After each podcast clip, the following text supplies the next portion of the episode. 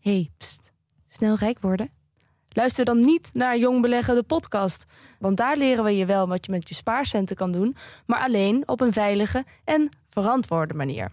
Daar heb je wat aan, op de lange termijn. Ik ben Milou, beginner, en van Pim Ja, ik ben er ook. leer ik alle ins en outs over beleggen. En dat is leuker dan je denkt, zeg ik uit ervaring. En dat we al zo'n 4 miljoen keer beluisterd zijn, is daar wel een beetje het bewijs van. Meedoen? Start ook met luisteren naar Jong Beleggen, de podcast. En nu alvast een gratis tip. Start bij aflevering 1.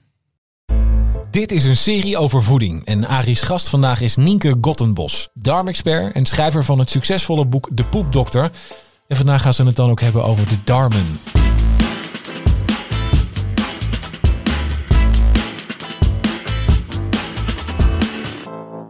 De microfoon stond er nog niet aan, maar het begon tussen Doris, mijn collega, die ons helpt met de podcast hier, en jou over, eh, over tongzoenen. Ja. En de flora die dan heen en weer gaan. ja, dat je heel veel bacteriën uitwisselt als je eh, aan het tongzoenen bent, maar dat het heel goed is voor je immuunsysteem. Dus eh, Veel vooral tongen. blijven doen, ja. Nienke, ik wil het graag met je hebben over ehm, het hele traject van spijsvertering. Dus echt van eten, het moment dat het naar binnen gaat, tot het er weer uitkomt. Mm. Stap voor stap met je doornemen en eigenlijk bij elke stap samen kijken, of van jou horen vooral. eh, wat kun je doen om deze situatie in je darmen, of waar het ook maar is in dat spijsverteringstraject, te verbeteren? Mhm. En wat gebeurt er nu vaak dat misschien niet zo goed is? Ja. Ja. En ik weet uit je boek, hè, De Poepdokter, gezond van mond tot kont. Ja. Een heerlijke titel. Eh, die gaan, dat gaan we eigenlijk een beetje doorlopen. Er staan ook zoveel leuke tips in. Top, ja, zeker. Ja. Ga- van start, zou ik zeggen. Ja. Ja, we beginnen. Nee, wat ik heel opvallend vond, is dat het boek heet natuurlijk De Poepdokter, gezond van mond tot kont. En daar praat je ook vaak over. Maar je zegt heel duidelijk, het begint eigenlijk al eerder. Ja, want jij zegt inderdaad, het begint in de mond, de spijsvertering. Als ik in, in zalen sta en ik vraag aan mensen, waar begint de spijsvertering, zeggen ze ook massaal in je mond. Maar het begint ook al eerder, want het begint al eh, als je eten ziet of ruikt bijvoorbeeld. Of als je eigenlijk eh, bezig gaat met, oh, ik wil straks wel eten. Hè. Stel je voor, je loopt eh, rond etenstijd langs een restaurant, je ruikt die knoflook en geuren uit de keuken en het water loopt je al in de mond. En dan kom je al in de spijsverteringsstand.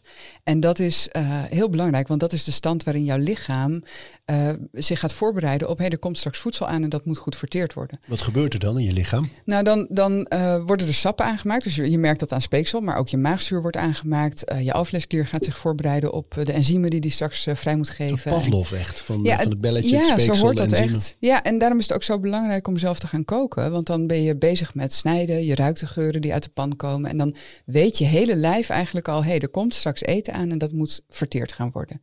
En dan, dan moet je ook rustig de tijd nemen voor je maaltijd om eh, goed te kauwen bijvoorbeeld. En dat is heel tegengesteld aan bijvoorbeeld de stressstand. Stress is fight or flight. Dus dan gaat er adrenaline, komt er vrij, dan eh, gaat er energie naar je spieren, naar je hersenen. Ja, want je moet kunnen vechten of je moet kunnen eh, vluchten, Rennen. afhankelijk van wat er... Hè, ik zeg, springen. ja, ik geef altijd het voorbeeld van de sabeltandtijger. Ik zeg, nou, ik zou wegrennen, denk ik. Maar er moet iets met je spieren gebeuren. En je moet kunnen nadenken. En dat is niet het moment dat je even lekker een boterhammetje gaat zitten verteren. Hè, dus dat, dat is echt heel ehm, tegengesteld aan de rest and digest stand. Dus de ruststand en de spijsverteringsstand. Ehm, en we weten ook dat als jij, eh, eh, natuurlijk hebben we allemaal wel eens een keer dat je haast hebt of dat je denkt, ik prop even wat naar binnen. Maar als je dat chronisch doet, als je altijd achter je computer eh, je lunch naar binnen zit, gedachteloos naar binnen zit te malen. Harken. Ja, dan, dan verteert het ook echt minder goed. En dan is de kans op spijsverteringsklachten veel groter. Dus het begint al met rust nemen voor je maaltijd. Inderdaad, ja, je lichaam laten weten, er komt voedsel aan. Dan inderdaad heel goed kauwen. Ja, want daar wordt het, het eh, voedsel al vermengd met je speeksel. Daar zitten al enzymen in die eh, bepaalde delen van die voeding moeten afbreken. En wat ik zelf heel interessant vind, is dat eh, er kleine samples eigenlijk genomen worden via je mondslijmvlies. Die al aan de rest van jouw lichaam laten weten van is dit een vetrijke maaltijd of een eiwitrijke maaltijd of een koolhydraatrijke maaltijd. Een soort verkenners die vooruitgestuurd worden. En, en aan de hand daarvan worden er dus meer eiwitverterende of vetverterende of eh koolhydraatverterende enzymen afgegeven later verderop in je spijsvertering. Dus dit gebeurt in de mond. Ja.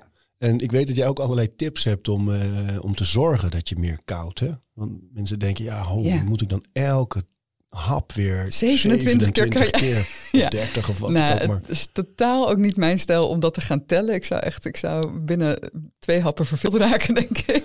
Maar het is wel goed om. ehm, ik vind altijd, je mag best honger hebben als je gaat eten. Ehm, maar niet zoveel honger dat je het echt naar binnen schrokt, zeg maar. Dus het is belangrijk om wat kleinere hapjes te nemen. En ik geef ook wel eens aan van doe eens af en toe een steekproef, dat je aan het kauwen bent. Ehm, en dat je dan, uh, terwijl je koud, als je de neiging krijgt om door te slikken, dat je dan even met je tong voelt van wat zit er eigenlijk, wat hangt er allemaal nog in mijn mond. En vaak zul je zien dat het best nog wel grote brokken zijn. want als we een klein stukje vooruit lopen op, zeg maar, als het er aan de achterkant weer uitkomt, er zijn best veel mensen die tegen mij zeggen, ja, uh, ik kijk dan in de wc-pot, dat moet van mij hè, en dan zie ik nog stukjes broccoli of stukjes wortel. En het lijkt wel alsof het er groter uitkwam. Ja, herkenbaar. En dan zeggen ze, ja, het lijkt wel alsof het er groter uitkomt dan dat het erin ging. Ja, dat kan natuurlijk niet. Weet je, het wordt niet in je buik weer aan maar elkaar dat is dan omdat je dus niet goed genoeg Omdat, Als je echt herkenbaar... Kijk, een, een, bijvoorbeeld een vliesje van mais, dat is heel hard. Hè? Dus dat kan me voorstellen. Of een nootje of een weet ik veel. Maar um, uh, als je echt herkenbare stukjes van bijvoorbeeld wortel of broccoli of dat soort dingen nog terugvindt, dan heb je echt niet goed gekoud. En dan kun je niet verwachten dat je maag en je uh, aflesklier dat voor jou gaan oplossen. Terwijl het eigenlijk hier moet gebeuren. En het is ook een beetje zonde, want als jij probeert om genoeg groente te eten bijvoorbeeld en je vitamines binnen te krijgen, als, als er nog hele grote brokken, dan kunnen al die uh, vitamines alleen maar van de randjes af, zeg maar, worden opgenomen. En wat er in het midden van dat brokje zit, dat wordt niet opgenomen. Terwijl daar juist veel zit vaak, hè? Ja, natuurlijk. Dus het is, het is zonde om, uh, als je maar de helft van je vitamines opneemt uit je mooie, dure biologische groentepakketje, weet je? Oh. Ja, ja. Um, dat gaat al heel erg over de mond. Hè? En je zei, daar worden die verkenners, die worden vooruitgestuurd al. Dat is iets dat gebeurt. Wat gebeurt er nog meer op het moment dat, dat je in je mond met het voedsel bezig bent? Uh, nou, je mondflora wordt ook gevoed. Je, je darmflora begint eigenlijk al in je mond. Hè. We hebben heel veel soorten microbiomen in je lichaam.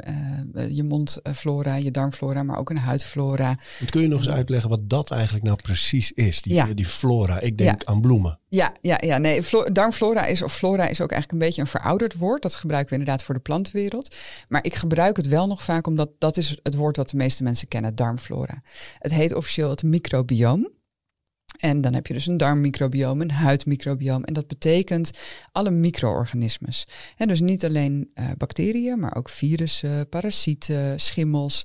En dat is eigenlijk een hele ja, soort jungle. Moet je heel, als een heel eigen ecosysteem moet je dat voor je zien. Op en in ons lichaam. Overal. We hebben meer uh, micro-organismes in en op ons lichaam dan dat er sterren zijn in het universum per mens. Dus wow.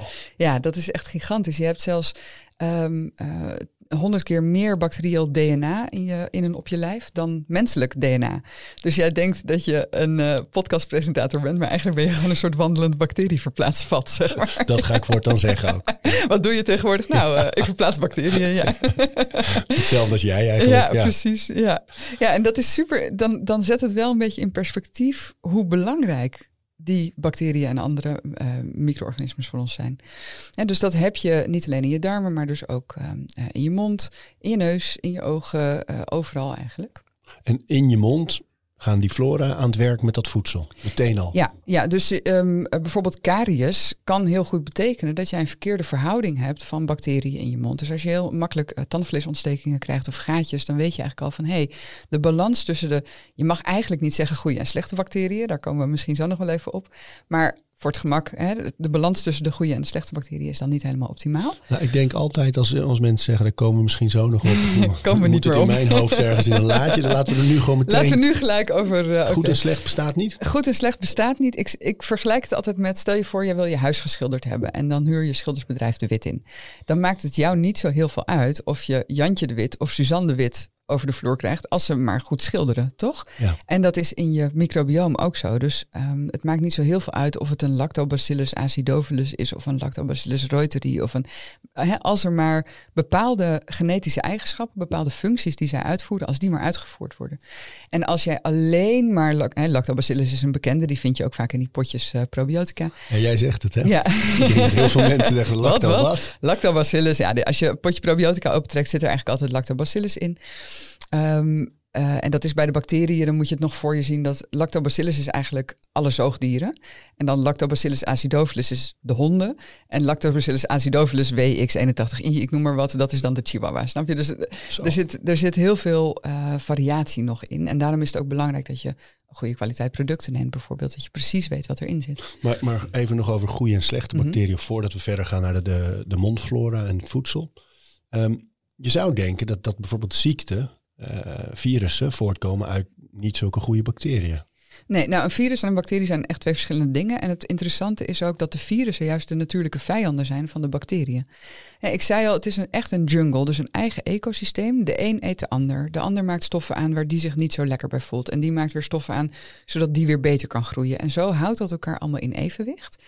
En het, er moet natuurlijk nooit één soort te veel gaan uitgroeien. En dat is wat er gebeurt bij karius, maar ook bij bijvoorbeeld um, uh, heel veel darmklachten dat er één of twee soorten zijn die de macht grijpen en die dan heel erg gaan uitgroeien. En dat zijn de kolonies waar je ziek van wordt. Maar zelfs zo'n gezonde lactobacillus, als je er alleen maar dat hebt, dan is het ook niet goed. Weet je, appels zijn gezond, maar als je alleen maar appels eet, ga je dood op een dag. En als je hoort van, uh, nou, iemand is verkouden en niest zonder de, elleboog ervoor te duwen of een hand mm -hmm. of een zakdoek, denk je altijd, oh, dan krijg je al die bacillen, ja. al die slechte bacillen, is ja. het dan toch? Maar dat is dus ook niet zo. Nou, dat is wel zo. Um, maar van, van alle bacteriën en virussen die er zijn, is maar echt een heel klein percentage is ziekteverwekkend. En dan nog alleen als zij echt grip op jou krijgen. En dat heeft te maken met hoe is jouw eigen microbioom? En hoe is jouw eigen immuunsysteem? En ook die twee hangen weer heel sterk met elkaar samen. Hoe beter jouw microbioom is, hoe beter jouw immuunsysteem is. Dus je komt langs veel meer verkoudheidsvirussen dan waar je daadwerkelijk verkouden van wordt. Omdat je uh, omdat jouw lichaam dat gewoon kan afweren. En dan is het juist heel interessant eigenlijk om in contact te komen met zoveel mogelijk verschillende. Hè? Dus bijvoorbeeld met dat tongzoenen. Dat je zoveel mogelijk verschillende. Het toch een rode draad, hè? ja, ik voel de, de sfeer al hangen. Maar um, uh, dat je toch zoveel mogelijk verschillende micro, micro-organismes binnenkrijgt. Want dat traint ook jouw immuunsysteem weer. Waardoor als er dan een keer wel een verkoudheid of een griepvirus langskomt, je dat ook veel makkelijker kunt afweren. Zo, maar dat, daar zeg je iets. Want ik heb dus sterk het gevoel dat door die twee jaar mm -hmm. afstand houden mm -hmm. nu, hè, die COVID-jaren, dat onze kinderen op school nu veel ja. meer meekrijgen ja. dan anders. Ik, we hebben echt gewoon een paar maanden achter elkaar van verkoudheid naar griep, naar oorontsteking. Exact Waterpokken dat. kwamen langs. Achter elkaar. Exact dat. Omdat omdat we echt twee jaar lang ons eigen immuunsysteem ook niet getraind hebben. Dus je ziet nu de verkoudheid. Maar ik ben heel benieuwd of we over een paar jaar een enorme rise zien in bijvoorbeeld um, allergie, overgevoeligheid, eczeem, astma. Want dat is zeg maar, ja, als je verder die ladder opgaat, is dat wat je tegen gaat komen. En dat zien we nu ook al. We weten dat kinderen die op een boerderij opgroeien veel minder kans hebben op die allergische aandoeningen dan kinderen die in de stad hè, met doekjes met uh, schoonmaakmiddel, hygiënische. Weet je, je hebt nu natuurlijk heel erg om één virus buiten de deur te houden hebben we alles buiten de deur gehouden. En het is heel erg de vraag of dat eigenlijk wel de slimste methode is geweest. En natuurlijk, iedereen was in paniek. Niemand wist wat hij moest doen. Dus op een gegeven moment doe je maar gewoon. Maar uh, wat je eigenlijk, je hebt ook de terrain theory. Hè, waarin je het terrein, het milieu van je lichaam zo gezond mogelijk gaat houden. Door middel van je bacteriën zo gezond mogelijk houden. Door middel van zorgen dat je je vitamines en mineralen op orde hebt bijvoorbeeld.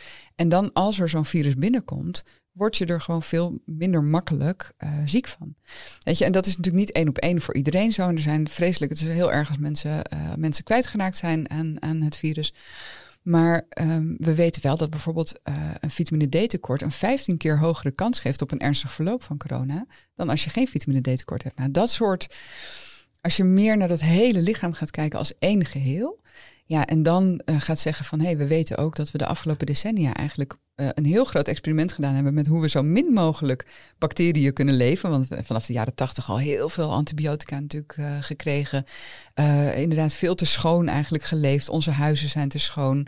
En we komen uit een bosomgeving waarin overal bacteriën en van alles rondom ons was. En nu in onze huizen is vaak een monocultuur van maar één of twee bacteriën. En in het algemeen kun je zeggen, hoe meer diversiteit, hoe beter. Dus hoe meer verschillende soorten, hoe minder grote kans is dat eentje de macht grijpt. En hoe beter jouw immuunsysteem getraind wordt. Ja, en daar zouden we eigenlijk weer naartoe terug moeten. Ja, er zijn op dit moment eigenlijk de laatste jaren, want jij bent er al veel langer mee bezig, maar de laatste jaren ineens heel veel podcasts over gut health en over deze materie. En toen ik dat een paar jaar geleden voor het eerst hoorde, ben ik ook meteen, als wij nu tuinieren thuis, hebben we geen Mhm. handschoenen meer aan, gewoon lekker met, met je handen de grond in. Eh, zand onder de nagels, kinderen lekker veel in die zandbakken. Eh, vaak spoelen we natuurlijk wel een beetje de groente af, maar niet heel grondig. Mhm. Dus ik ben eigenlijk echt een beetje bewust een tegengestelde beweging aan het maken. Ja, Van, eh, wel, dat handenwassen hebben we er wel ingebracht op school bijvoorbeeld. Ja. Maar heel veel lekker in aanraking brengen met de dieren, met Ja. de bacteriën van de grond, met, Ja. eh, met, ja, met van alles Ja, eigenlijk. maar dat is super belangrijk. En zeker in die eerste twee tot vijf jaar, maar ook voor grote mensen nog. Weet je, in de eerste twee jaar wordt de darmflora echt opgebouwd. Maar op een gegeven moment, eh, ja, je merkt het nu ook aan jezelf, hè, dat we inderdaad twee jaar dat niet hebben getraind. Dat heeft wel zijn effect. Dus we hebben dat ook als volwassenen nodig om gewoon buiten te spelen. Ik heb in mijn hele carrière, wij doen heel veel ontlastingonderzoek. En er komen natuurlijk alleen maar zieke mens- mensen bij mij. Hè? Dus ik heb een, een wat vertekend beeld daarvan. Maar er was één keer iemand die had echt genoeg goede bacteriën en ook genoeg verschillende. En dat was een surfer. Die de hele dag natuurlijk in natuurwater lag te spetteren. En die kreeg daar allemaal bacteriën van binnen. Dus hij had allemaal andere problemen met zijn darm. Maar dat was in ieder geval niet het probleem. Dat was wel, ja. Wat kunnen mensen, volwassen mensen nog meer doen om, om daarvoor te zorgen dat ze Ehm, voldoende bacteriën, bacteriën. hebben? Nou, precies wat je zegt. Ehm, eh, dus inderdaad veel naar buiten en echt eh, ook in het bos eh, met je handen in de grond. Een moestuin is natuurlijk super ideaal als je dat misschien hebt. Ehm, maar wat je verder kunt doen, kijk, je hebt te weinig bacteriën en te weinig verschillende bacteriën. Dat zijn twee verschillende dingen. Dus te weinig bacteriën, dat, eh, dat ga je voeden met prebiotische voedingsmiddelen. Dan moet je denken aan de vergeten groenten. Pompoen, pastinaak, zoete aardappels, schorseneren, aardpeer, eh, uien. ehm, nou, al dat soort eh prei. Eigenlijk, En dat waarom soort zitten ze daarop eigenlijk? Nee, daar zitten geen bacteriën op. Dat is echt wat het, jouw bacteriën gaat voeden. Ah, Dus daar zorg je ervoor mee voor dat je meer bacteriën krijgt. Wil jij meer verschillende bacteriën, dan moet je probiotische voedingsmiddelen eten. En dat eh, wil zeggen gefermenteerde voeding. Dus rauwe zuurkool, eh, kimchi, ehm, eh, kombucha, kefir. Nou, die laatste twee, dat is gelukkig al steeds meer ook in de supermarkt verkrijgbaar. En we zitten hier in Amsterdam. Nou, je loopt gewoon naar de toko om de hoek en daar heb je natuurlijk kimchi en dat soort dingen. Eh, je hebt leuke bedrijven die nu al via de post echt verse rauw... Hè, want de zuurkool uit een pakje uit de, su- uit de supermarkt is dood. Dus daar zit niks meer levends in. Maar dat je echt verse rauwe zuurkoolproducten het is krijgt. zo leuk dat jij zegt het zo achterloos, maar het is in wezen een hele heftige opmerking. Dat je gewoon in de supermarkt gewoon, eigenlijk is het onzin. Ja, nou ja, onzin wil ik niet helemaal zeggen, want er zitten nog steeds zuren in en gezonde vezels en dat soort dingen. Maar het is niet meer het product wat onze opa's en oma's aten. En dat zie je ook, want je darmflora wordt doorgegeven van moeder op kind. En nou, ik zei al, ik ben zelf uit 1982, dus heel, heel veel antibiotica gekregen als kind. Mijn moeder, jaren 50, 60, veel witbrood, jam, siroop. Mijn oma had de hongerwinter nog meegemaakt. En zo zie Maar je je bent wel eigenlijk... bij de krakers opgegroeid, hè? Ja, dat is wel. Dat is ook wel smerig genoeg, ja. dat je dat weet Toen is het goed recht getrokken. Hoe weet jij dat? Ja, een beetje researchen. nee, dat klopt. En, ehm, eh, maar zo zie je dat eigenlijk vanaf nou, pakweg de industriële revolutie ehm, onze darmflora steeds minder optimaal is geworden.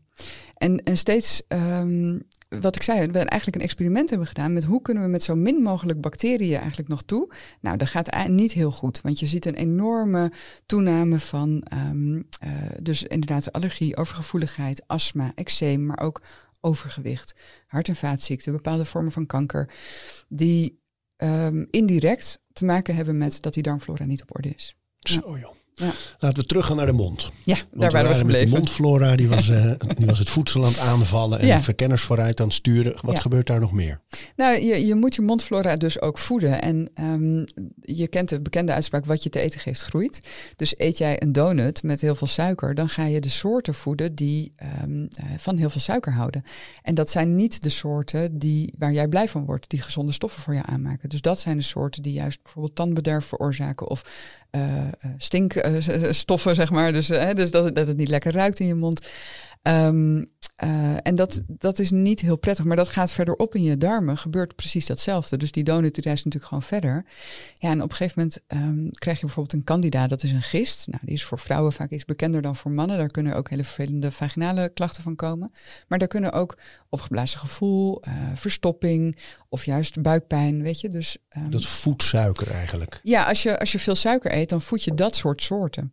En dus als je eh, veel van die vergeten groenten eet, wat ik net al zei, dan, dan voed je juist de positieve soorten die, waar je gewoon meer aan hebt als mens. En we mogen niet zeggen goed en slecht, maar er zijn er wel een paar die gewoon leuker zijn om te hebben als huisdier. En, eh, ja, en die wil je liever te eten geven. Maar dat heeft wel de tijd nodig in je mond al om, eh, om tot voedsel te dienen. Dus als jij een smoothie drinkt bijvoorbeeld, wat heel veel mensen nu natuurlijk doen, en je klokt hem weg, ehm, nou, dan voed je al je mondflora niet. Je, je mist eigenlijk die spijsverteringsstap waarbij de enzymen uit je mond eh, aan de slag gaan met, ehm, eh, met, met wat er in je smoothie zit. Eh, en je klokt het zo naar binnen op je maag. Ja, dat is ook echt niet voor iedereen fijn. Ik denk dat dat heel vaak ook met de efficiëntie, het efficiëntsdenken in deze tijd te maken Mm. heeft. Hè? Dat mensen denken, oh ja, snel, dan heb ik al die groenten Ja. lekker, bap, hup, Ja. weg, klaar, check, Ja. door. Ja, Maar ik doe zelf bijvoorbeeld om die reden altijd een hand noten erbij. En ik, eh, ik zorg dat die smoothie heel dik is. Ja. Dus ik, ik laat lekker veel. ik gooi gewoon hele appels in met klokhuis. eh, spruiten, weet je, gewoon Ja. dingen waar ik echt wel een Op beetje moet voor moet werken. ja, Eh, en, en dus die noten erbij, om nog wat, dat het echt wel iets wordt Ja. eigenlijk. En ik Ja. neem er de tijd voor, want ik heb, dat is bij mij echt een hele pitcher. En eh, dus ja, dat kan ook niet eens achterover geklokt worden. Nee, dat gaat ook niet. Maar inderdaad, kauwen op je smoothie. En ik zeg altijd spugen in je smoothie. Dan ga Ja? je je speekselenzymen alvast ermee aan de slag. Maar doe je dat echt? Eh, nee, ik drink niet zoveel smoothies, maar nee, ik weet niet. Ja, nee, maar als je nu wordt er steeds meer gewezen ook op zorg dat er stukjes in zitten waar je op kunt kauwen, dus nootjes inderdaad. Dan hoeft dat niet. Maar als je inderdaad denkt van ja, ik moet hem achterover klokken en het is belangrijk om echt een smoothie. Dus precies wat jij zegt, dat er gewoon echt de vezels nog in zitten. Er was heel lang de trend om sappen te gebruiken. Ja. Ja, dan haal je de vezels eruit. Terwijl, kijk, onze voorouders aten 120 gram vezels op een dag. Onze aanbevolen dagelijkse hoeveelheid is 30 tot 40 gram. En de meeste mensen halen nog geen 15 tot 20 gram. Zo, joh. Dus die vezels heb je juist nodig. Natuurlijk eet je groenten voor je vitamines en je mineralen. Maar je, je hebt die vezels echt nodig. En als jij genoeg vezels eet, je hoort eigenlijk zo'n 400 tot 500 gram ontlasting te produceren op een dag. Er zijn zoveel mensen die, die nog de 100 niet halen.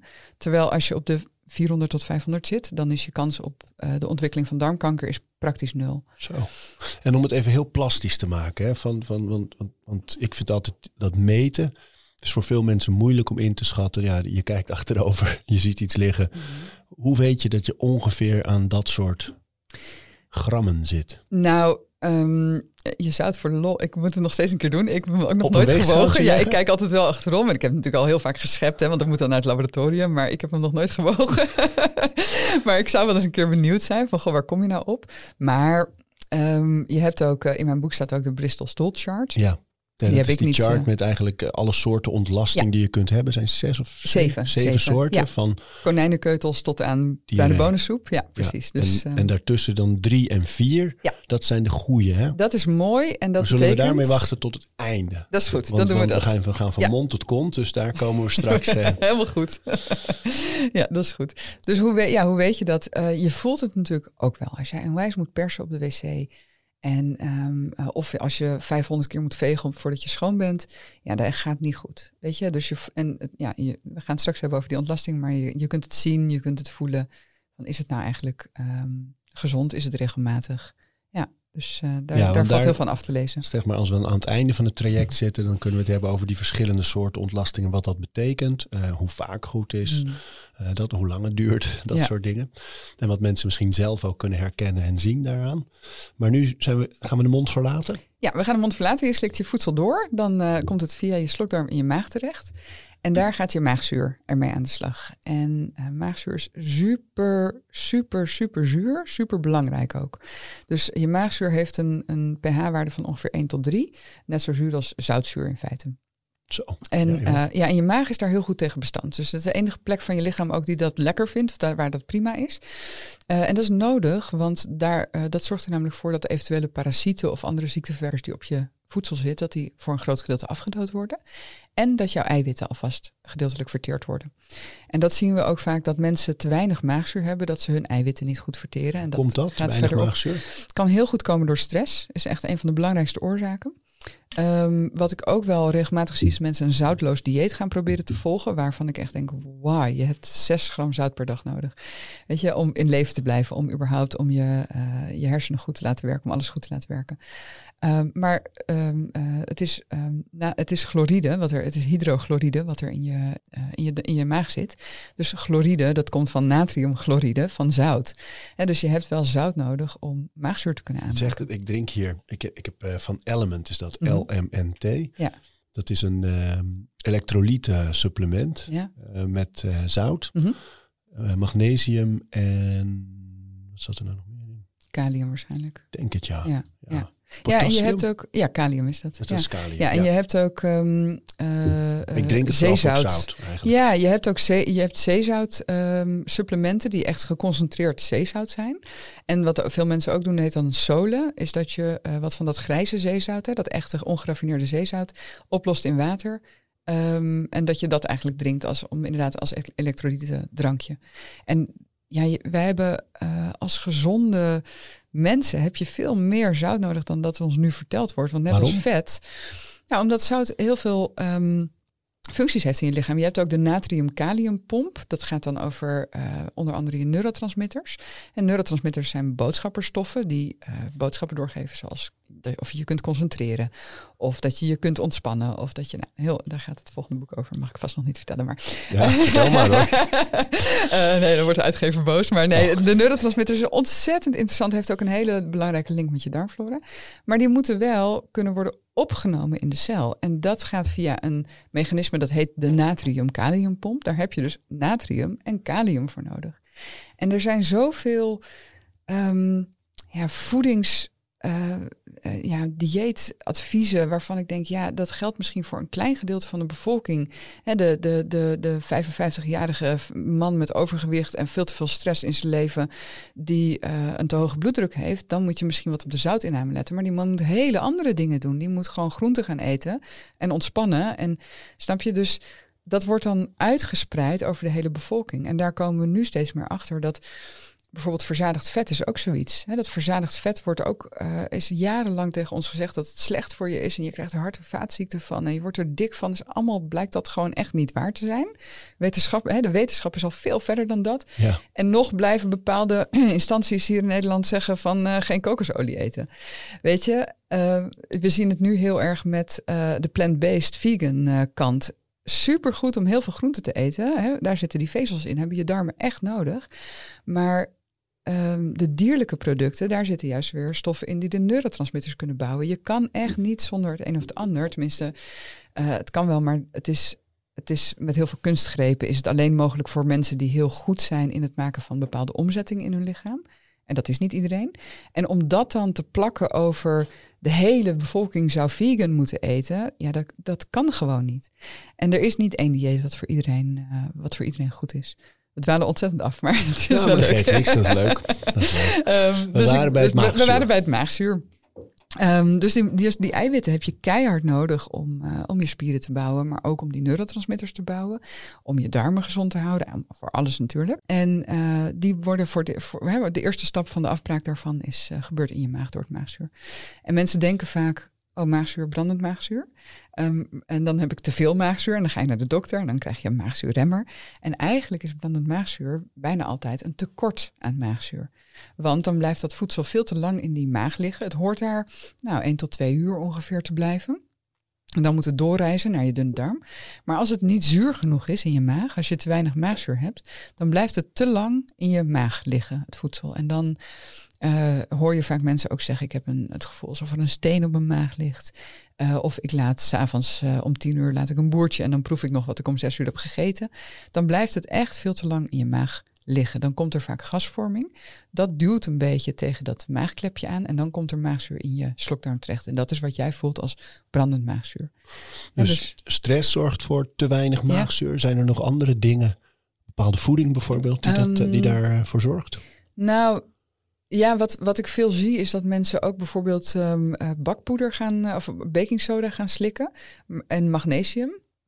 Um, maar dat is juist ook een averechts effect. Dat kun je wel doen. Magnesium slikken is niet goed? Of? Nou, liever niet tijdens het eten in ieder geval. Ah, want dan ja. zorgt het... Magnesium en, en, en baking soda zijn basische um, uh, ingrediënten. En die zorgen ervoor dat jouw maag minder zuur wordt. En dat is dus tegengesteld. Maar net als met rennies en, um, en maag, maagzuurremmers. Weet je, je remt dan de functie die die maag juist moet hebben. Dus het hoort juist zuurder te zijn. Aan de andere kant heb je dan de appelazijn. Hè, de mensen die het juist gaan aanzuren. Um, nou, dan is appelazijn, vind ik zelf nooit zo. Dan denk ik, ja, weet je, dat is niet heel zuur eigenlijk vergeleken bij wat jouw maag eigenlijk hoort te zijn. Ze heeft niet zo, en zeker niet water met appelazijn.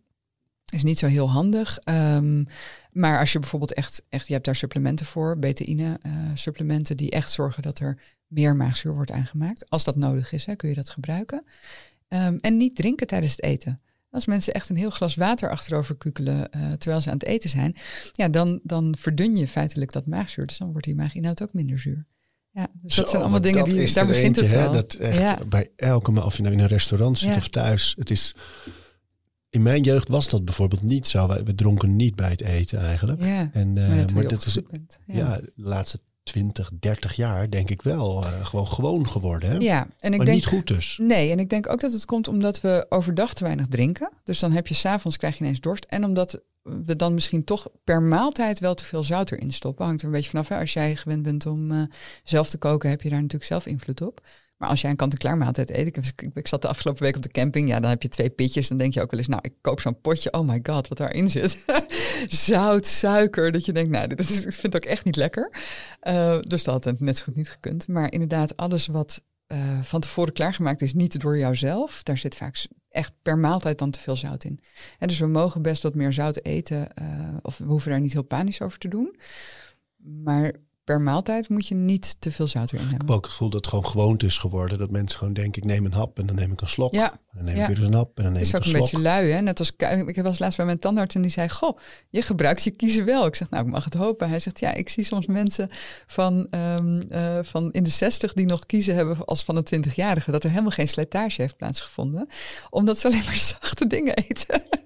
dat is toch heftig? Ja, man. Ja, terwijl dit, wat ik zei, alles staat met elkaar in verbinding. Dus als jij hier goed koudt, dat stimuleert ook de doorbloeding naar je hersenen bijvoorbeeld. Dus weet je, het is zo. Um, ja, we staan zo ver af van hoe we ooit van nature hebben geleefd. En ik, ik woon ook niet in het bos. Hè. Ik bedoel, ik, ik vang ook niet mijn eigen konijnen. maar ik de bedoel... vrouw woont niet in het bos. nee, was het maar waar. Maar, uh, maar ik vang ook niet mijn eigen konijnen. En ik, ja, ik grijp zelfs niet mijn eigen wortels op. Maar um, je kunt binnen de keuzes die je hebt in de supermarkt bijvoorbeeld... kun je echt nog wel betere keuzes maken dan inderdaad... Uh, kant-en-klaar maaltijden en donuts. Maar ja. mensen weten het niet, hè? Weten niet dat, ja, je hoort dan nou, wel, je moet goed kouwen en dan denken ze dat is voor de spijsvertering. Maar ja. ze denken niet dat het ook nog voor je tanden, voor de doorbloeding, ja. voor zoveel andere dingen belangrijk is. Dat klopt. Ik geloof er heel erg in uitleg. Um, en ik geloof heel erg in dat ik niet jou moet gaan vertellen wat je moet eten, maar vooral waarom je zo zou moeten eten. En dan kun jij zelf die keuze wel maken. Maar ja, ik bedoel, als je kijkt naar de, naar de supermarkt. 15 soorten groenten, 20 soorten fruit, 103 soorten ontbijtgranen. Je gaat mij echt niet vertellen dat mensen niet weten, weet je, wat gezonder is. Alleen, het wordt heel erg tegengewerkt. Ik, had, uh, ik, ik heb best regelmatig en laatst ook weer een, een uh, cliënt bij ons die de onderzoeken komt doen, die de ziekte van Crohn heeft. Dus een ernstige darmontstekingsziekte. Waartegen gewoon gezegd wordt, nou, wetenschappelijk gezien mag je alles eten. Dus zij zat gewoon echt aan de, aan de pizza en de cola en de... Ja, en dan, dan sta ik echt met mijn oren te klapperen. Dan denk ik, hoe kan het dat ze in het ziekenhuis gewoon zeggen... oh ja, dat zou geen probleem moeten zijn hoor. Het heeft helemaal geen invloed op je. Ja, come on. Ja, terwijl de wetenschap daar toch ook echt duidelijk over is. Ja, en, en ja. juist ook met de ziekte van Crohn en ja. de gevolgen van voeding en Mhm. de positieve invloed daarvan. Ja, en, en wat ze dan zeggen is, we kunnen niet één voedingsmiddel aanwijzen waar het door komt. Ehm, of één voedingsmiddel wat het verbetert. Maar individueel kan het heel veel verschil maken. En bijna alle patiënten geven aan dat het verschil maakt.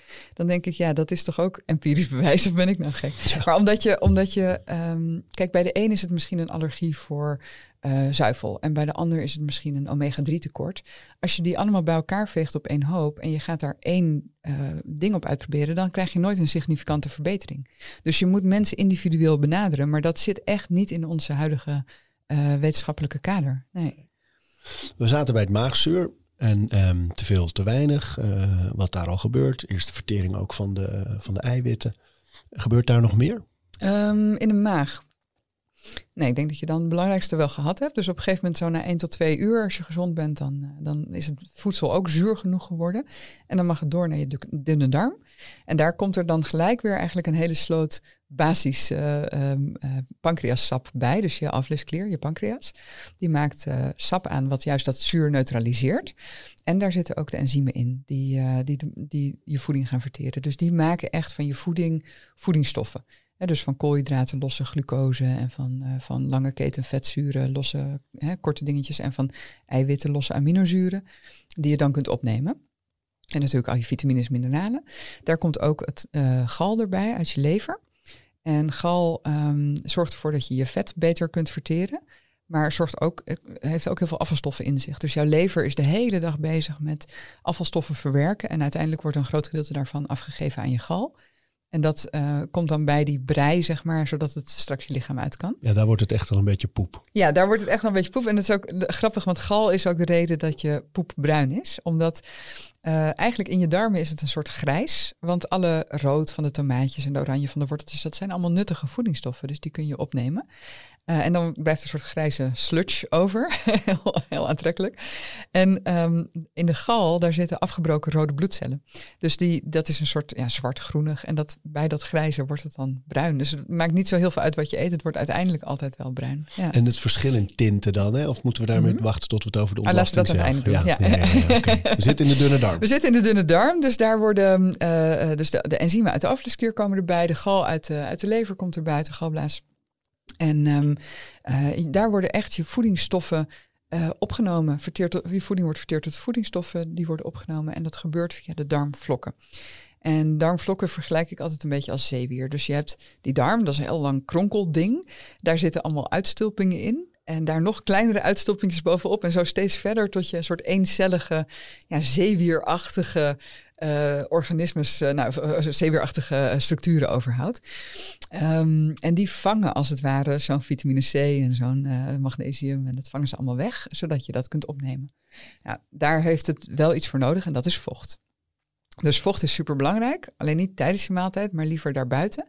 En vooral als je ochtends opstaat, dan hangt het een beetje zo slap tegen de wand aan, zullen we maar zeggen, die zeewier. En dan moet je even wat drinken. Ja, dus echt wel één of twee glazen water. Uh, er zijn ook mensen die doen bulk drinken. Dus die drinken s ochtends gelijk vier glazen water en dan smiddags nog een keer. Uh, dat kan ook.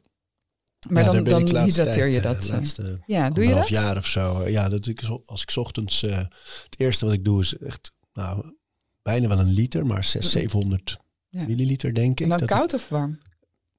Niet warm, mm -mm. maar ook niet ijskoud. Nee. Dus als, als het in de winter is bijvoorbeeld, dan laat ik het even staan. Een tijdje ja. zo, weet je wel. Dus ja. ik maak het niet warmer. Uh, die klok ik achterover en dan meestal zo een uh, paar uurtjes later uh, mm. weer zoiets. En ik probeer dat drie tot vier keer op een dag te doen. Ja. Wel, dat ik echt wel rond, tegen de drie liter, omdat ik ook veel verlies met sporten. Maar dan na zes helemaal niks meer. Oh ja. Ja, dat is want een beetje dan slaap je beter. Ja, ja, ja, ja. Ik, ja, dan moet ik gewoon minder, minder ja. vaak naar de nou wc. ja, precies. Ja, want dat is, dat is inderdaad als je gewoon na een bepaalde tijd niet meer te veel drinkt, dan, dan heb je een betere nachtrust. Dus dat, dat wordt wel gezegd. Ja, en ik ben er nog niet mee begonnen met het bulk drinken. Ik vind het nog, uh, nog lastig, omdat ik ook, ja, op een gegeven moment heb ik zo'n klotsbuik, dus dat is dan een Ja, beetje. ja.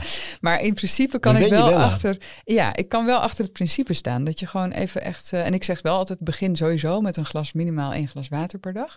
Mag, van mij mag dat koud zijn of warm, net wat voor jou fijn is. En dat is dan om die, uh, die, die zeewierachtige Om jouw darmvlokken, ja, om dat uh, te hydratere activeren. weer. Ja, ja. En dan hoeft er voor mij absoluut niet een schijfje citroen of zo in. Dat vind ik echt, ja, ik vind, ik vind dat een beetje onzin. Dat doet niet zoveel, ja. Maar stel je? dat mensen, want je hoort ook heel vaak mensen worden wakker. Oh, ik heb koffie nodig. Bam, eerste Ja. kop koffie. Wat doet dat dan met die uh, darmvlokken? Nou, koffie, maar ook zwarte thee bevatten looistoffen. Dus als je hele sterke zwarte thee, dan, dan voel je dat ook in je, aan je tong, weet je. Dan Ja. trekt het een beetje samen. Dat doet het ook in die structuren daar. En dat zijn natuurlijk maar heel kleine eencellige structuren. Dus dat, dat, dat verschrompelt eigenlijk een beetje. Dus niet heel gezond. Maar koffie is een laxeermiddel. Dus als jij elke dag laxeermiddel drinkt, en toen ik hier aankwam vroeg je ook, eh, wil je koffie, zelfs thee? Ik zei, nou doe maar thee. Oh, jij drinkt vast geen koffie. Nou, ik drink heus wel een keer een kopje koffie.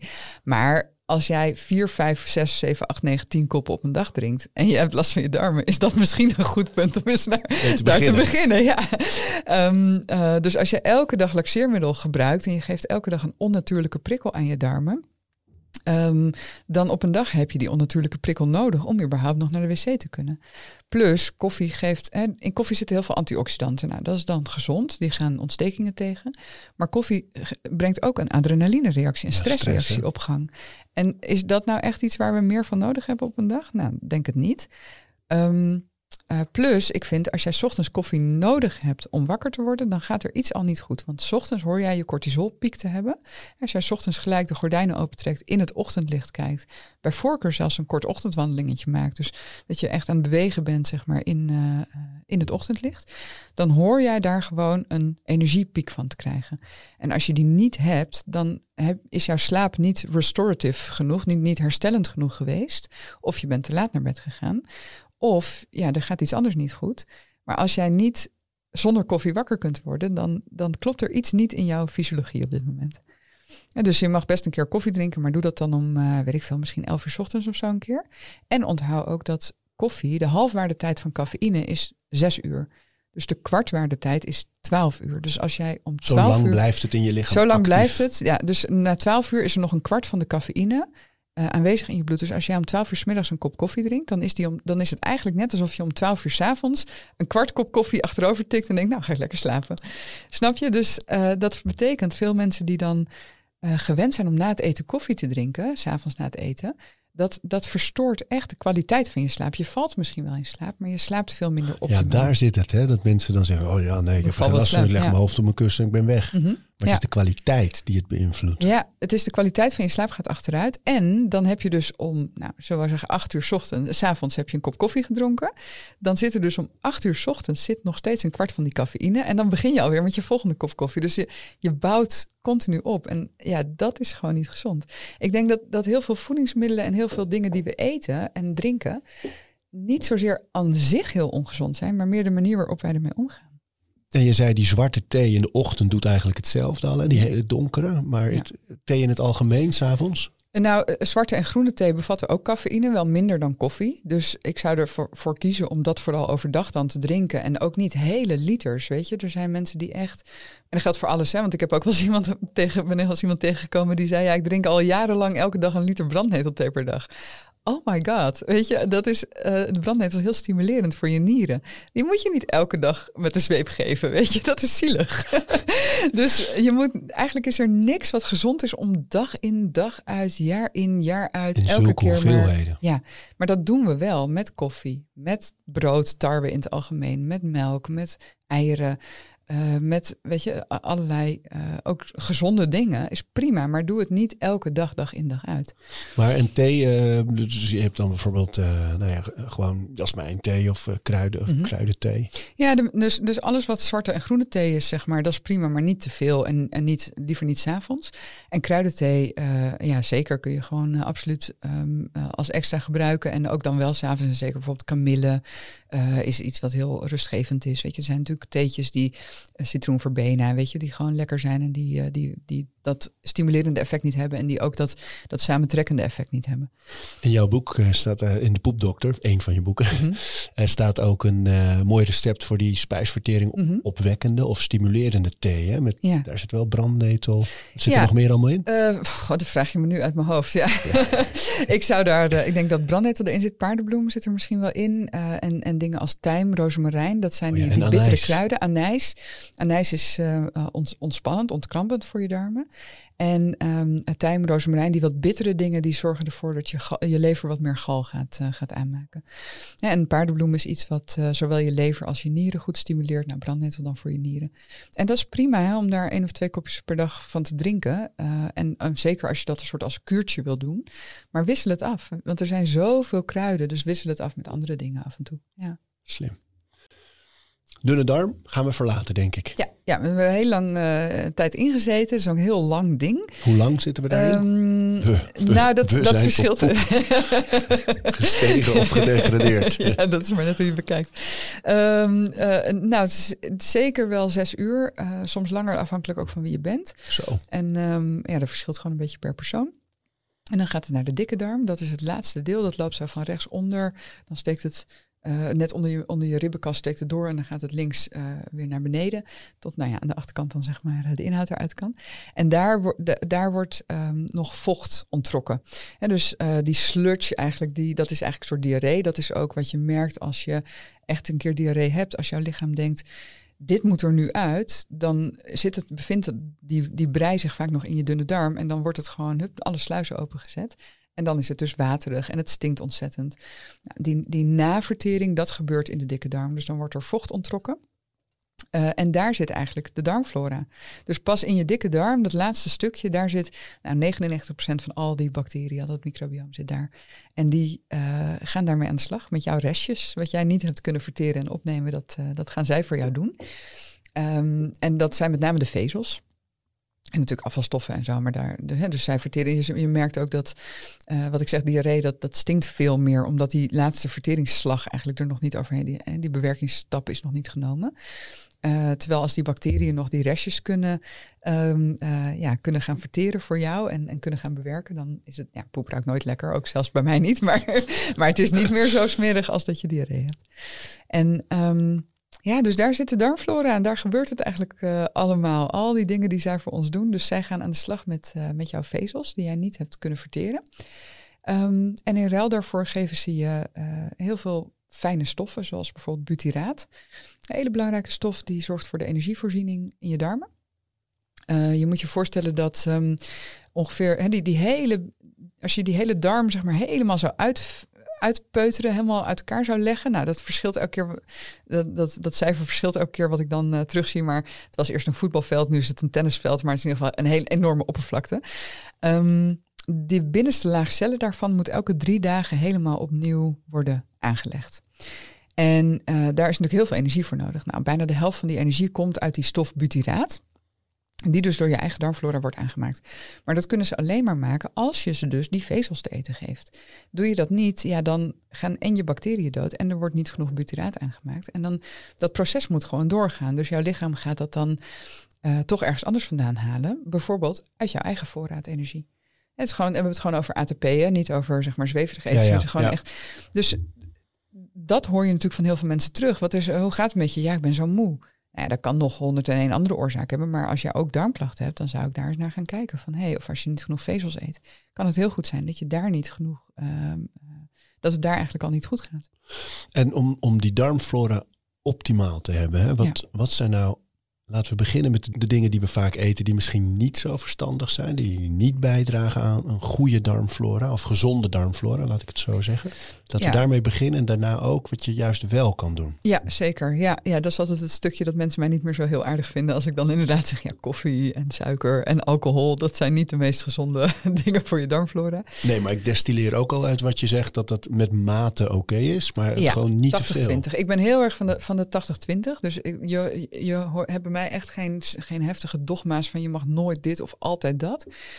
Um, uh, want ja, we leven ook gewoon in deze tijd, weet je, come on. Maar het is wel zo dat ik vind dat wat gezien wordt als matig, dat dat toch wel uh, enige, ja, hoe zeg je dat, uh, toelichting behoeft nog. Want matig alcoholgebruik is geloof ik één glas per dag of zo, twee gla één tot twee glazen per dag.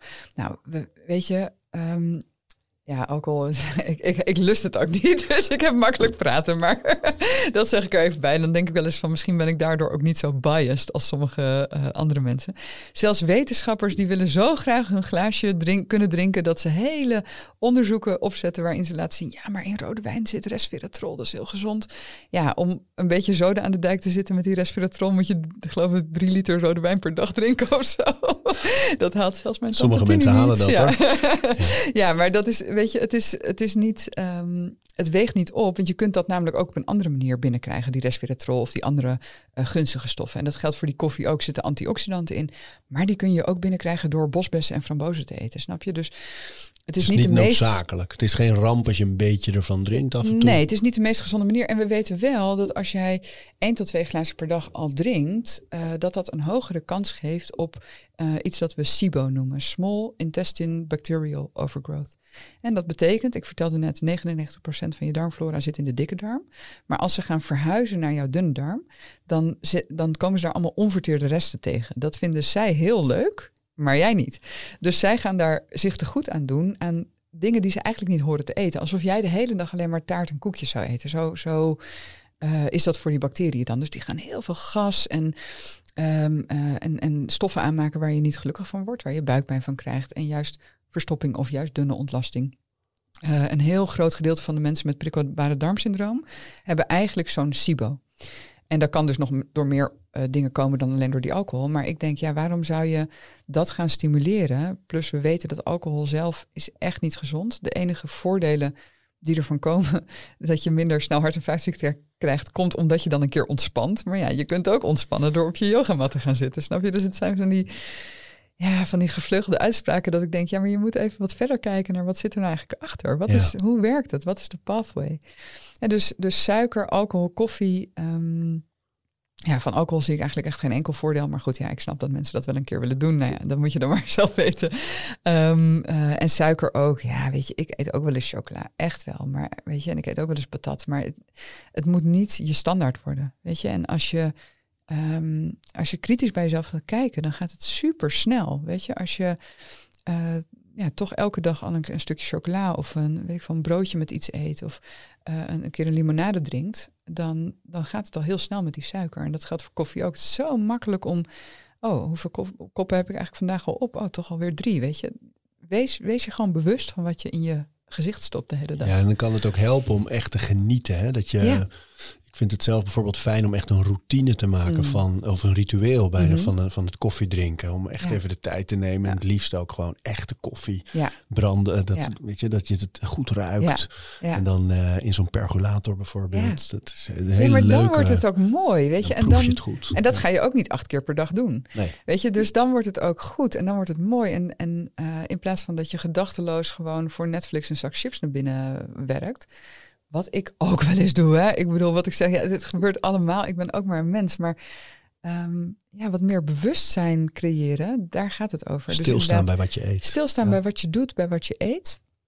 En dat is ook gelijk wel een mooi bruggetje naar het volgende stuk. Want jij zegt, wat is er niet goed voor je darmflora? Nou, stress is echt een van de meest ondermijnende factoren voor je, voor je darmflora.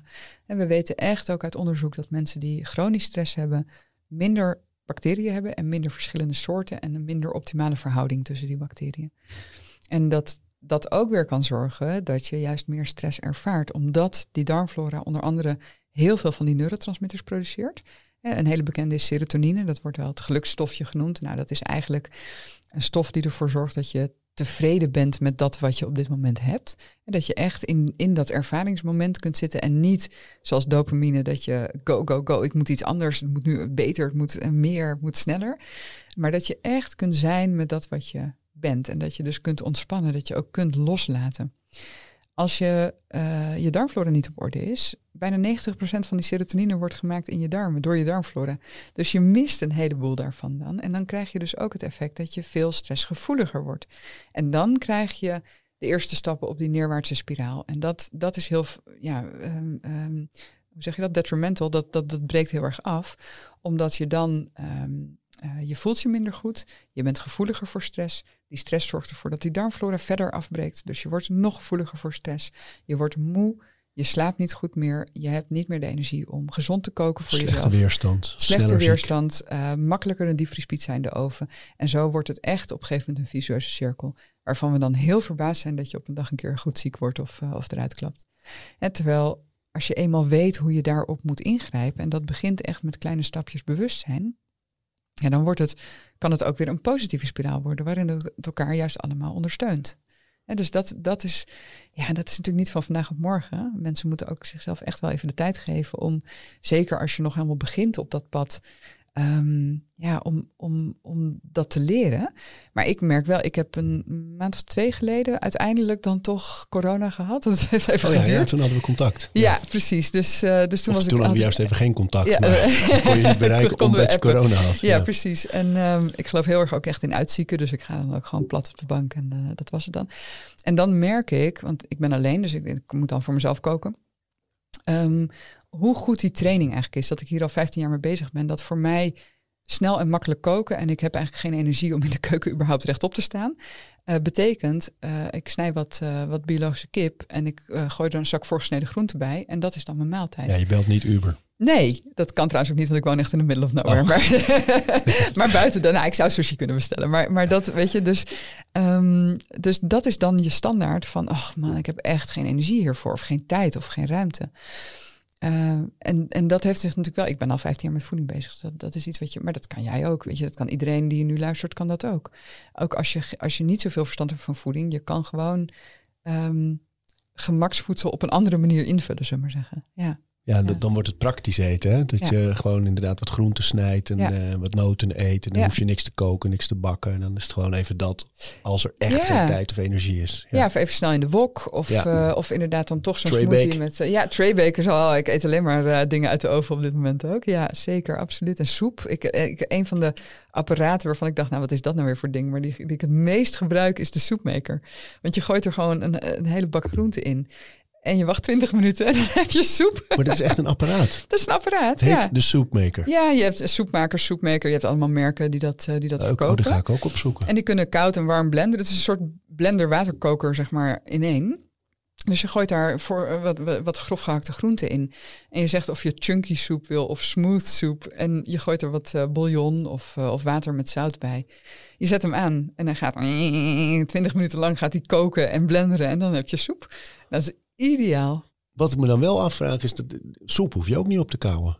Nee, maar, maar soep is wel warm, dus dat, dat klok je meestal niet naar binnen. En ik ben er een voorstander van om ook in je soep weer dingen te doen die, ehm, waar je wel op moet kouwen. Zoals? Dus wat ik vaak doe is bijvoorbeeld een, eh, een gladde soep, dus een pompoensoep of courgettesoep. En dan eh, bak ik wat, eh, wat gehakt of wat spekjes biologisch en, dan, en wat groenten erbij op. En die doe ik dan een paar scheppen in die soep. Dan wordt die en vullender, wordt het echt een maaltijd. En dan moet je er ook op kouwen. Dan scheut je olijfolie erbij en dan ben je eigenlijk klaar. Jij zegt bouillon, maar ehm, dat hoor ik ook steeds. Dat, dat die, die bouillon en die broths, hè, die, Mhm. eh, dat dat ook zo ontzettend goed is voor je darmflora. Ja, nou voor je darmen zelf. Oh. Ja, je darmflora heeft er niet zoveel aan. Die voedt zich met name met die plantaardige, dus vezels en dat soort dingen. Ehm, maar in eh bottenbouillon zit eh, gelatine of collageen. En dat bevat precies ehm, de, de, de aminozuren die jouw darmen nodig hebben om zichzelf op te bouwen. Dus we hadden net over butyraat. Dat is een, een, een omzettingsstof van die bacteriën als zij goed eh, vezels te eten krijgen. En eh, dan heb je ook nog glutamine. Dat is een andere eh, belangrijke bouwstof voor je darmen. Dus je hebt en de energie nodig om je darmen elke keer weer opnieuw op te bouwen en ook de bouwstoffen daarvoor. Nou, ik ben niet een voorstander, want dat zie je soms in gezondheidsland, dat mensen dan echt grammen L-glutamine gaan slikken. Eh, dat wordt namelijk eerst gewoon opgebruikt aan andere eiwittekorten die je eventueel mogelijk hebt, aminozuurtekorten. Dus je kunt beter terug naar het hele beest, eet van het hele beest, dus beter terug naar de bron. En dat is die collageen of gelatine en uiteindelijk dus die bottenbouillon. Hè, dus ik vind collageen is nog wel, dat vind ik prima als je dat, dat kun je als poeder, hè, kun je dat toevoegen aan je smoothie, aan je koffie of waar dan ook aan. Ehm, maar als, jou, als het jou lukt om veel meer bouillon te gaan eten, en dat zie je nu ook gelukkig weer steeds meer komen, dat mensen eh, bedrijven oprichten om dat, eh, om dat te gaan verkopen. Dan Ja. kun je het gewoon bestellen. Nou, vind ik te gek.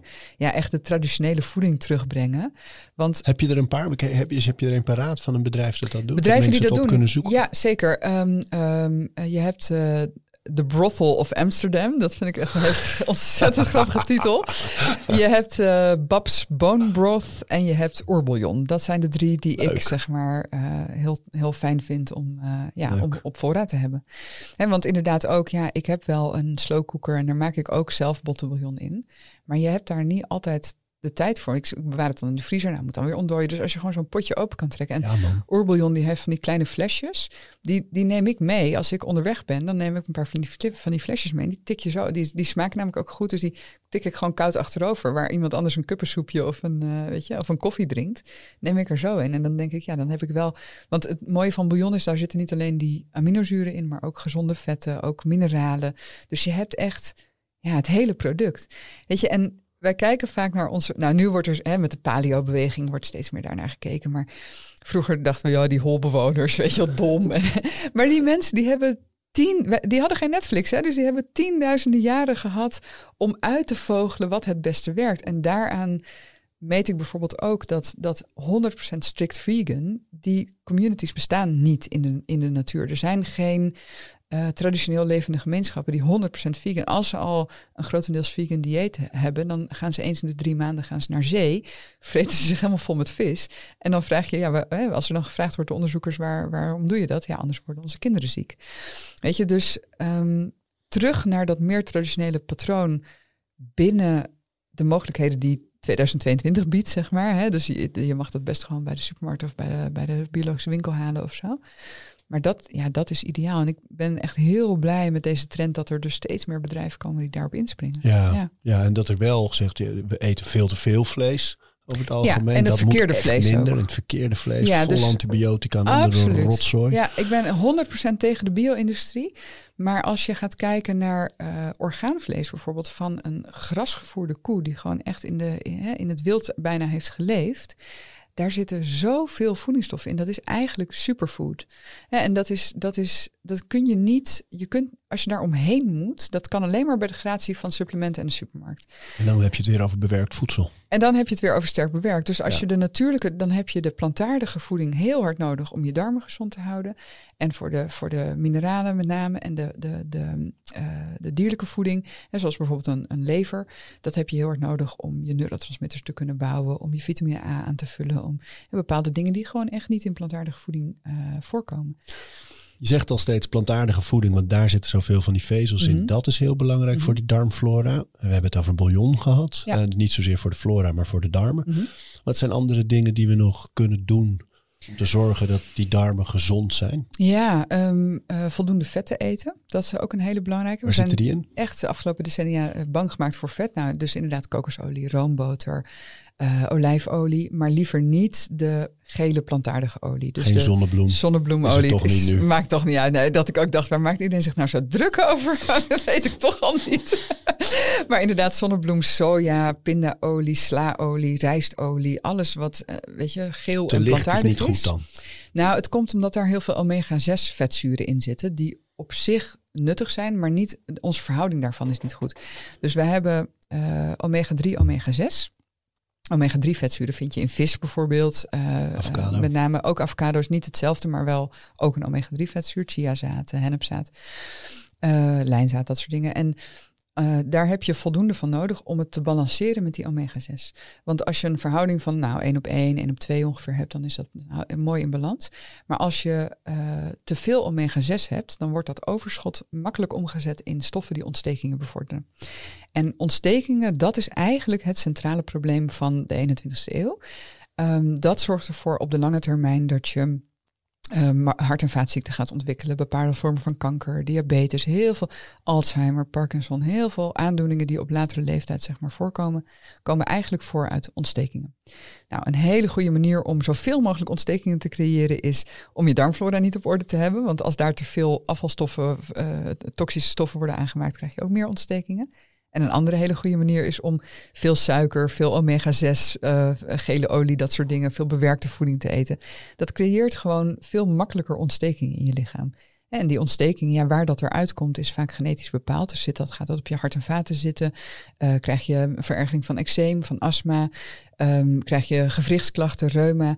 En, en omdat het allemaal zo langzaam gaat, hè, pas over 10, 20, 30 jaar ga je dat merken. Ja, zijn mensen er totaal niet mee bezig. Maar dat is wel wat er gebeurt. Ja, ja dat, oh man, dat hoor je tegenwoordig steeds vaker. Dat ze zeggen, ja, we worden wel ouder dan ooit, maar we zijn ook langer ziek. Dat, en dat Ja, heeft hiermee te maken. Dat heeft hiermee te maken. En ontsteking is echt het centrale verhaal. Dus ontstekingen zijn normaal voor je lichaam. Dat, dat moet je gewoon willen hebben, maar niet te veel. En, en de manier waarop wij nu leven met veel stress, uitlaatgassen, eh, producten die we op onze huid smeren, die nou ja, ook allerlei rotzooi bevatten.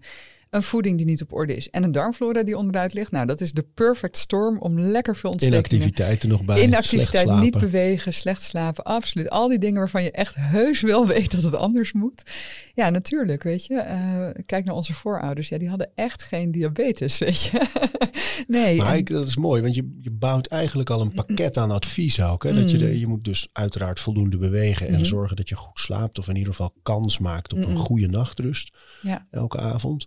En dan qua eten hoor ik je zeggen, een beetje vlees, een beetje vis is Ja. echt wel eh, goed. Ja. Eh, maar vooral heel veel Ja. groenten. Ja. Weinig, zo min mogelijk onbewerkt. Zo min mogelijk bewerkt, ja. Eh, bewerkt Ja, natuurlijk, ja, ja, zo min mogelijk bewerkt. Suikers, alcohol en koffie. eh, Liever niet- minder, ja, liever precies. liever Ja. minder. Ja. Eh, daar zijn we al een heel eind natuurlijk. En zijn er dan nog speciale groenten? Want je noemde eerder al die vergeten groenten. Mhm. Die heel goed waren voor die mondflora ook. Ja, en, en ook voor je darmen. Kijk, je hebt eigenlijk twee, grofweg twee soorten vezels. Dus de onoplosbare vezels, dat zijn de, de groenten. Eigenlijk ik zeg altijd alles waar je op moet kouwen. Dus noten, gr- ehm, boerenkool, spruitjes, hè, wat je al zei in je smoothie. Dat zijn, eh, daar zitten heel veel ehm, vezels in die volume creëren in je darm. En die volume, dat zorgt ervoor dat je darmspieren gaan knijpen en dat je de peristaltiek op gang brengt. Dus dat je geen verstopping De krijgt. peristaltische bewegingen. Ja, dus dat is waarom je moeder zei, je moet volkorenbrood eten, want dan krijg je geen verstopping. Nou, ik vind alleen, ja, volkorenbrood is nou niet echt de, de beste vorm van die vezels. En dus je kan beter meer groente en, en fruit eten en noten en dat soort dingen. Ehm, dus dat zorgt ervoor dat je geen verstopping krijgt, is prima. Maar je moet inderdaad ook je bacteriën te eten geven. En dat doe je met de onoplosbare vezels, ook wel de prebiotische vezels genoemd, of de fermenteerbare vezels. En dat zijn de vergeten groenten. Dus de pompoen, de zoete aardappel, de pastinaak, de aardpeer, uien, nou, noem maar op. En dus die heb je ook nodig om te zorgen dat jouw uh, bacteriën voldoende uh, te eten krijgen. En daarom zei ik in het begin ook, als jij meer bacteriën wil, moet je meer van dat soort groenten eten. Want wat je te eten geeft, groeit. En dus zij gaan zich dan vermenigvuldigen, kunnen ze heel snel, elke 20 minuten.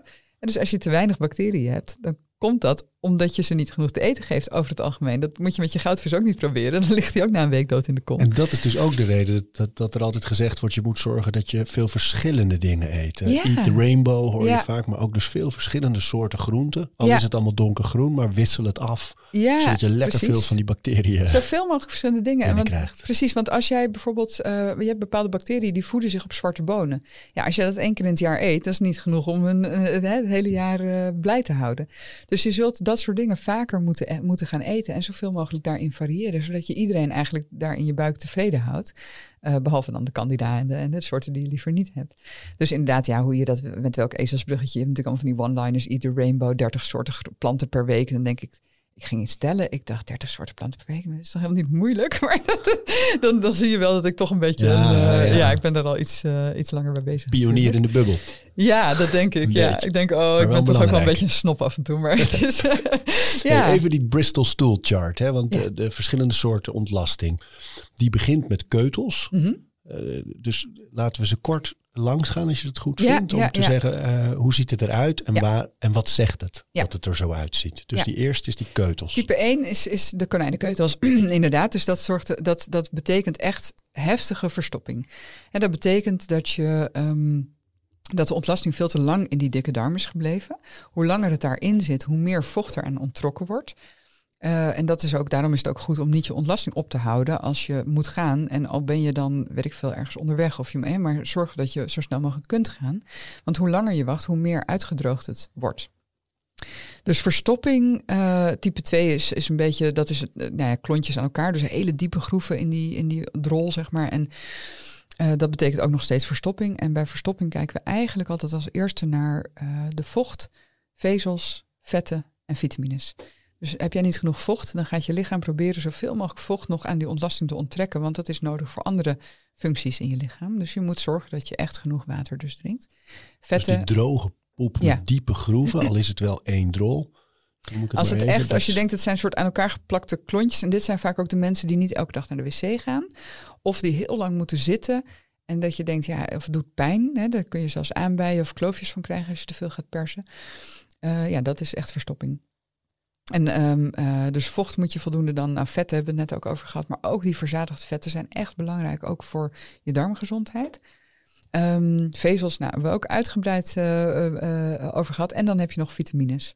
En vitamines zeg ik ook altijd, ja, als jij gewoon niet je groente eet en niet genoeg je, je, je vitamines, mineralen binnenkrijgt, dan gaat die, die, dat lichaam dus zoveel mogelijk nog en want met, met dat water wat het onttrekt, onttrekt het ook nog wat mineralen. En dan gaat het zoveel mogelijk uitproberen te Gewoon op zoek naar wat het nodig heeft en niet ja. binnenkrijgt. Dus dan maar daaruit krijg je die hele ja. droge. Ja, en als je overvloed hebt daarvan, dan is dat niet nodig. En beweging is, dat is wel de, de volgende ook. Als jij, kijk, je, je hebt spieren rond je darmen die dat, hè, die peristaltische beweging uh, uh, maken voor je. Maar je moet ook zelf bewegen. En als jij gewoon de hele dag zit, dan heb je niet uh, je lichaam geholpen om, om de peristaltiek goed op gang te brengen. Nee. De derde? De derde en de vierde, dat is eigenlijk wat we daar willen wil zien. Daar, daar wil je naartoe. Dus een mooi gevormd worstje. Uh, niet een halve rol wc-papier nodig hebben om, uh, om schoon te worden. Um, ja, en het liefst elke dag. Het, bedoel, er zitten persoonlijke patronen in. Dus de een doet twee keer per dag en de ander doet één keer per twee dagen. Als het allemaal mooi soepel komt en je hebt een, een goed worstje, dan is het prima. En ook wel eens mensen noem ik altijd om lachen. Dan zeggen, ja, ik ging eten zoals in jouw boek stond. Nu poep ik veel meer. Alsof dat dan niet de bedoeling is. Maar is dus wel de bedoeling. Ja, je mag echt wel 450 uh, eh, gram per dag poepen. Ik ga dat echt binnenkort een keer doen. Het lijkt me zo lachen om te kijken van hoeveel is het nou eigenlijk. Ja, op een, op een, op een op zo'n keukenweegschaaltje, ja. ja. ja. voor, voor de, de ontlastingonderzoeken moeten ze ook uh, ontlasting. Dan zeg ik altijd, leg maar zo'n wegwerpbordje van de barbecue even in de wc. Dan kun je daar uh, op scheppen. Uh, op, op, op poepen en dan kun je dat zo. Ja. Dus, ehm, dus ja, als je meer vezels gaat eten, dan ga je ook meer poep maken. Ja, zo simpel is het. Maar waarom zijn twee typen worstjes? Dus drie en vier kan je zitten. Wat is het Nou, verschil omdat er nog? zit wel eens wat variatie in. Kijk, en eh, ik vind zelf type 4, als je dat, als je dat voor je ziet, en dan moet je maar eens gewoon googlen op Bristol Stool Chart, dan... eh, Bristol Ja, Stool of Chart. Stool De- de- plaats in Engeland, Bristol. ik heb geen idee waarom het zo heet. Ik heb hem ook niet verzonnen. Dit Bristol, is, ja, stoel, wordt ook wel stoel is wc, hè? Stoel, ja, stoel is, stoelgang. is eh, stoelgang inderdaad. Eh nurses stoelchart, maar als jij googelt op een stoelchart, dan vind je hem vanzelf. Ehm, dus ik denk wel eens dat type 4 toch misschien al wat aan de zachte kant is. Maar als het zijn vorm behoudt, dan is het prima. Het is ook afhankelijk van wat heb je nou precies gegeten, hoeveel Ja, heb je tuurlijk. gedronken. Dus Verschilt per dag soms. ja. Ja. weet je, het is niet in, in steen gehouden of zo. Het is niet als er maar één soort ontlasting die dan perfect is en de rest is allemaal niet goed. Ehm, Maar er zijn er dus nog een paar. Er zijn er nog vijf, een paar. zes en zeven. Vijf, zes en zeven. Vijf is een beetje de, de losse flofjes. Zo flof, flof, flof. Dat je denkt, nou, ik weet niet wat hier gebeurt. Maar het, ja, het is allemaal niet heel vast. Eh, zes is breiig. Dat komt heel veel voor. Dan zien we echt dat het... ehm breiig komt heel veel voor bij bijvoorbeeld parasieten, infecties. En dus eh, eigenlijk alles wat, wat eh, eh, ja, een hoger cijfer heeft dan vier. Dus soms in het buitenland hebt op vakantie. ja, maar ook in Nederland kan gewoon hier op de lift, je kan overal parasieten oppikken. En dat hoeft ook niet per se erg te zijn. Ongeveer 70% van de mensen is drager van een parasiet. Lang niet iedereen heeft daar last van. Maar als je, afhankelijk van welke soort parasiet het is, en ook als jouw eigen darmflora uit balans raakt, ja, dan kan die de macht gaan grijpen en dan kan die klachten gaan veroorzaken. En dat betekent dat jouw lichaam, als jij die, die dunnere types ontlasting hebt, dan denkt jouw lichaam altijd, dit moet er nu uit. Ik weet niet wat hier van binnen Zo gebeurt, maar het moet er zo snel mogelijk uit. En dat kan dus een ziekteverwekker zijn. En als jij eh, eh, ja, inderdaad in het buitenland bent en je hebt toch water gedronken of wat, hè, wat daar niet kan, of, dan is jouw lichaam helemaal niet daaraan gewend. Dus dat denkt, ja, dit moet er zo snel mogelijk uit. En dan, en dan zet het alle sluizen open. Maar als dat in Nederland ook regelmatig gebeurt, dan kan het ook zijn dat er bijvoorbeeld een allergie of een overgevoeligheid meespeelt. En dat dat de vijand is, tussen aanhalingstekens, waar eh, jouw lichaam op reageert. En waar dus eh, dan in dat geval alle sluizen ook voor opengezet worden. Dus als jij eigenlijk heel vaak dunne ontlasting hebt, dan weet je van hé, er, er is iets in mijn darmen wat niet goed gaat. En dat kan niet zijn wat je eet, of het kan niet zijn wat gewoon niet de bedoeling is dat het daar zit. En daarom is ontlastingonderzoek ook zo ontzettend nuttig, omdat je eh, niet alleen zeg maar, naar de achterkant kijkt van wat komt er. Ja, eh, mensen komen vaak naar me toe. Ja, ik heb een opgeblazen gevoel. Wat heb ik? Nou, dat kan zijn een allergie. Het kan een glutenovergevoeligheid zijn. Het kan een enzymtekort zijn. Het kan een candida-infectie zijn. Je kan niet goed gekoud hebben. Dus dat, dat kan je eigenlijk niet goed zeggen. Moet op alleen maar op hè? basis. Je moet echt gaan kijken naar wat is er bij jou aan de hand. En dat is ook precies het probleem. Dat, hè, wat ik zei bij mensen met prikkelbare darm of met, met ziekte van Crohn.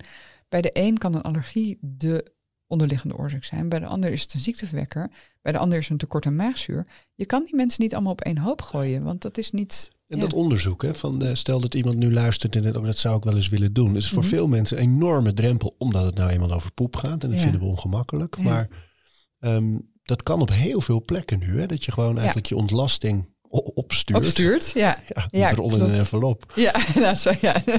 zo plastisch niet. Maar Een paar rollen zelfs. Ja, het is nooit eentje. Nee, je moet drie. Nee, je neemt een heel klein beetje ontlasting af en dat doe je in een buisje en dat stuur je naar het lab. Eh, mensen zeggen ook wel eens, moet ik dan een potje meenemen naar het consult? Ik zou alsjeblieft niet. Nee. nee.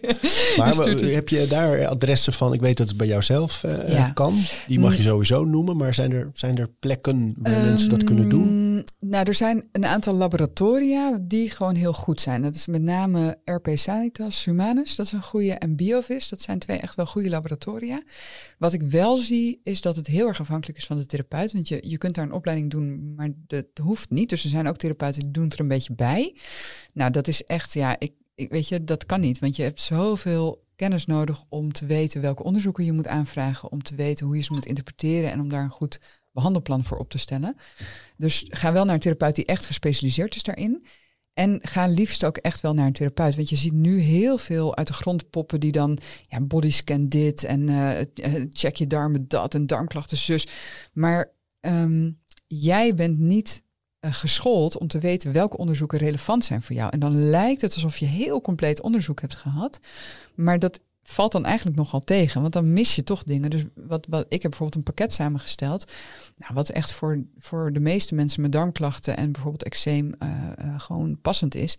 En dan ga ik daar weer eens naar kijken. Denk ik, ja, als het nou verstopping, kan er dan niet wat af? Nee, er kan niet wat af. Want het zijn echt al die. En je moet niet alleen naar de bacteriën kijken, maar ook naar uh, eventuele ziekteverwekkers dus.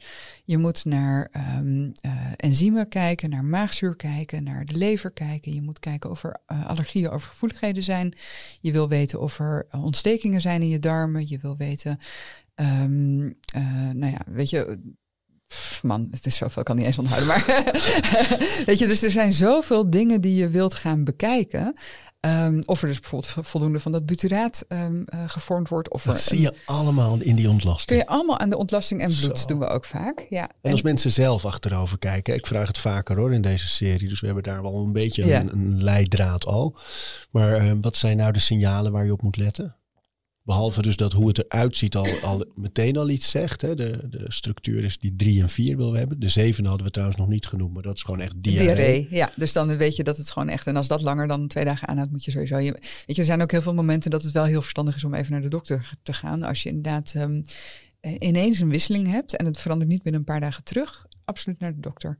Als je bloed bij ontlasting ziet, dus rood uh, bloed betekent dat er achterin uh, iets niet goed gaat. Of dus als het zwart is, dan betekent dat er hogerop bloedverlies is.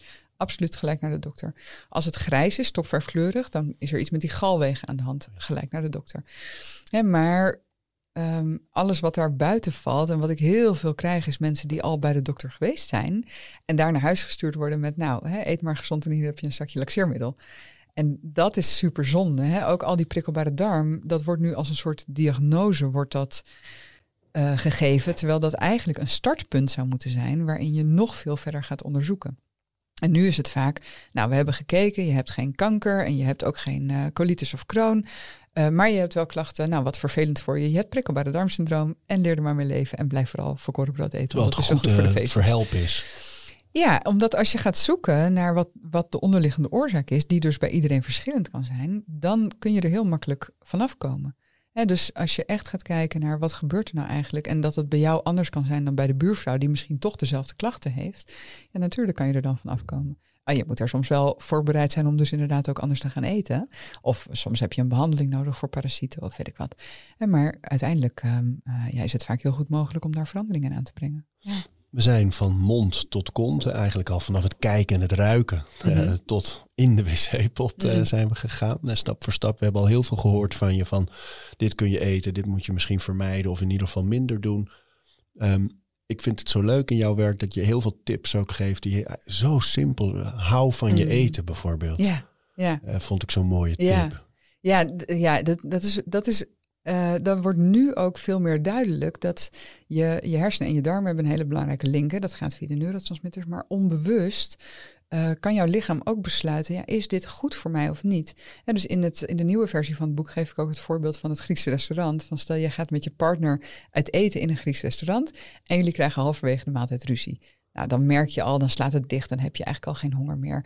Maar het kan zijn dat jouw lichaam onbewust besluit van hé, hey, hier zit iets vijandigs in dit soort eten, dat moeten we niet meer hebben. En de volgende keer dat je daar gaat eten, dan krijg je weer last van je darmen. En dan denk jij ook, oh, ben allergisch voor Grieks eten. Terwijl het eigenlijk dus een, een psychologisch uh, stukje is. Dus ja, hou van je eten. Ik, ik ben ook toch wel, uh, ik, ik ben ook yin yoga docent. Dus uh, ik doe ook wel andere stukken Lekkere, daarin. rustige yoga. Heel, daar zit zo ontzettend veel Lang in. Wat gaat over, um, ja, over echt frequenties, hè, trillingsniveaus, over water, wat informatie vasthoudt. Misschien ken je wel die onderzoeken van Masaru Emoto, dat, dat die sneeuwvlokjes, dat als je dan schreeuwt tegen water, dan komt er een ander, andere. Ken je dat niet? Nee. Oh my mooi. god, dan moet je echt, ja, dat is heel tof. Dat als je een briefje erop plakt met liefde of een briefje met haat. Oh, dat is het. Ja, ja, ja, ja. En dat, en dat het dan andere vorm krijgt. Nou, ja. ik, ik heb niet, ik ben er niet ver genoeg ingedoken om te weten of dat nou super wetenschappelijk zuiver is. Ik denk dat het een heel eind komt, volgens mij.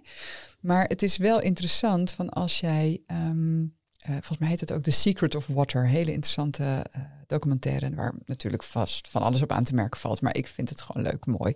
Weet je, en dan denk ik, ja, als je een, een blessing uitspreekt over je, over je eten. Als je met liefde kookt iedereen snapt buiten wat er aan ingrediënten in die voedingsmiddelen zit. Iedereen snapt dat een maaltijd van je oma is gezonder, beter voor je dan een hamburger van de McDonald's.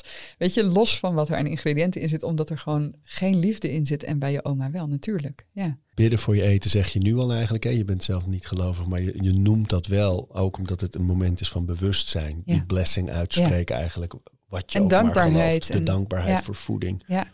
Ja, en het gaat allemaal heel erg over het bewust ervaren van wat je doet. Hè? Ja, ja ik, ik, ik zeg bij, heel vaak, weet je, iedere keuze is een goede keuze als het maar een bewuste keuze is. En als jij met je volle bewustzijn drie keer in de week bij een snackbar wil eten, bless you, dan zie ik je over een jaar bij mij in de praktijk, maar oké.